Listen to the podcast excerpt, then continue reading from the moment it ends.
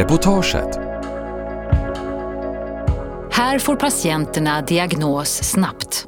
Snabbare utredning ska korta tiden till behandling. Det är tanken med Diagnostiskt centrum i Kristianstad. Sedan några år tillbaka tar de emot patienter med diffusa symptom som kan bero på cancer. Göran Flink har varit trött sedan årsskiftet. Men lite trötthet är väl ingen sjukdom? Så tänkte han tills han började bli trött bara av att raka sig eller tugga maten. Det var för två veckor sedan och nu sitter han i väntrummet på Diagnostiskt centrum på Centralsjukhuset i Kristianstad. Vid sin sida har han sin fru, Mary. Det är inte så ofta man blir glad när de ringer från lasarettet. Men det blev jag den här gången.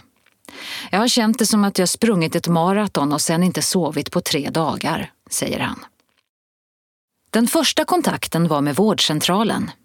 Där undersöktes han och de tog en del prover innan de remitterade honom vidare till Diagnostiskt centrum. Därefter har det gått undan. Dagen efter att remissen gick iväg ringde koordinatorn på Diagnostiskt centrum, Mona Fransson, upp honom. Det var en tisdag och samma dag kom han in för att ta ytterligare prover. Nu har det hunnit bli torsdag och det är dags för läkarundersökning. Man är ju inte van vid att det går så fort. Pang, pang, pang, kommenterar Göran Flink. Diagnostiskt centrum i Kristianstad var det första av sitt slag i Sverige och startade i oktober 2012. Initiativtagare var Regionalt cancercentrum Syd som ville korta utredningstiden för patienter med diffusa symptom som misstänks ha en allvarlig sjukdom, till exempel cancer. Upplägget är inspirerat av en modell från Danmark och man tar emot patienter som upplever en oförklarlig trötthet, har minskat kraftigt i vikt på kort tid, fått nytillkomna smärtor, långdragen feber, fått patologiska provsvar eller en metastasmisstänkt förändring. De löper annars risk att bollas runt till olika specialistkliniker innan de hamnar rätt. Vid cancer kan den tiden vara avgörande för om behandlingen lyckas eller inte. Danskarna har gjort en stor forskningsstudie för att ta reda på vilka symptom patienter med malignitet uppvisar. Så kriterierna för vilka som ska remitteras hit har varit väldigt bra, säger Annika Bujukliev, sjuksköterska på Diagnostiskt centrum. Ja, att skriva rätt kriterier är annars det som är svårt med en sån här verksamhet. Vilka patienter ska skickas in och när? Det blir lätt att en del är för sjuka och några kommer onödigt tidigt, säger verksamhetens läkare Inga Svensson. Patienterna kommer från primärvården, specialistsjukvården, sjukhusets akutmottagning eller företagshälsovården. Och Inga Svensson konstaterar att de visserligen inte är så många, men att de verkligen behöver någonstans att ta vägen. Vården har blivit allt mer specialiserad och det finns inga allmänmedicinska avdelningar på sjukhusen längre. Nu ligger mycket på primärvården, men de här patienterna är för ovanliga, sjuka och komplicerade för att passa där. När remissen kommer in är målet att patienten ska kontaktas inom tre kalenderdagar, ha sitt första läkarbesök inom sju dagar och få en diagnos inom 28 dagar. Därefter skickas de vidare till rätt specialistklinik för behandling. Vi är en strikt utredningsenhet och ger endast symptomlindrande behandling. Vi utreder inte heller biologin bakom eventuella cancertumörer utan det gör man på specialistkliniken, berättar läkaren Inga Svensson.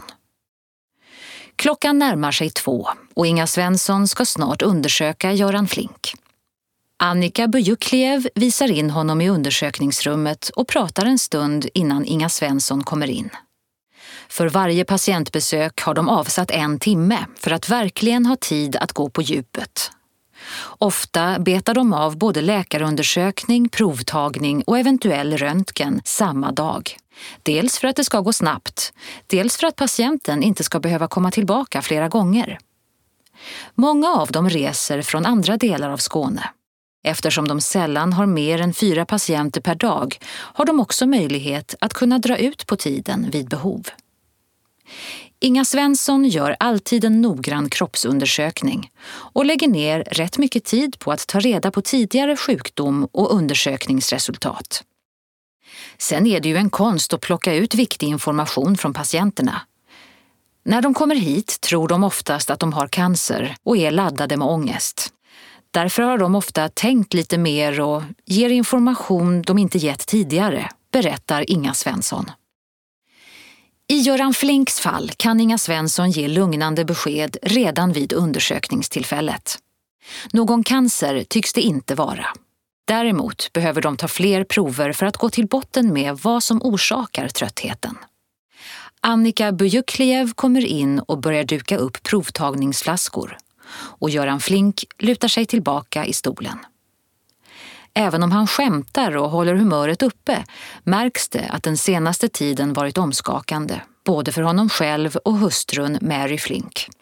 De måste ta hjälp av Annika Bujukliev för att reda ut hur många dagar det egentligen gått sedan den första kontakten med Diagnostiskt centrum. Du vet, när jag sett honom där hemma har jag varit så orolig och det har varit så kaotiskt så jag kommer inte ihåg, säger Mary Flink. Under de första tre åren drevs Diagnostiskt centrum i projektform med Annika Bujuklev som projektledare. 1 september 2015 blev de en permanent avdelning på sjukhuset. Annika Bujuklev, Inga Svensson och Mona Fransson driver den på ungefär 50 procent av sin arbetstid och delar kontorsrum, vilket gör det lätt att kommunicera och hjälpas åt.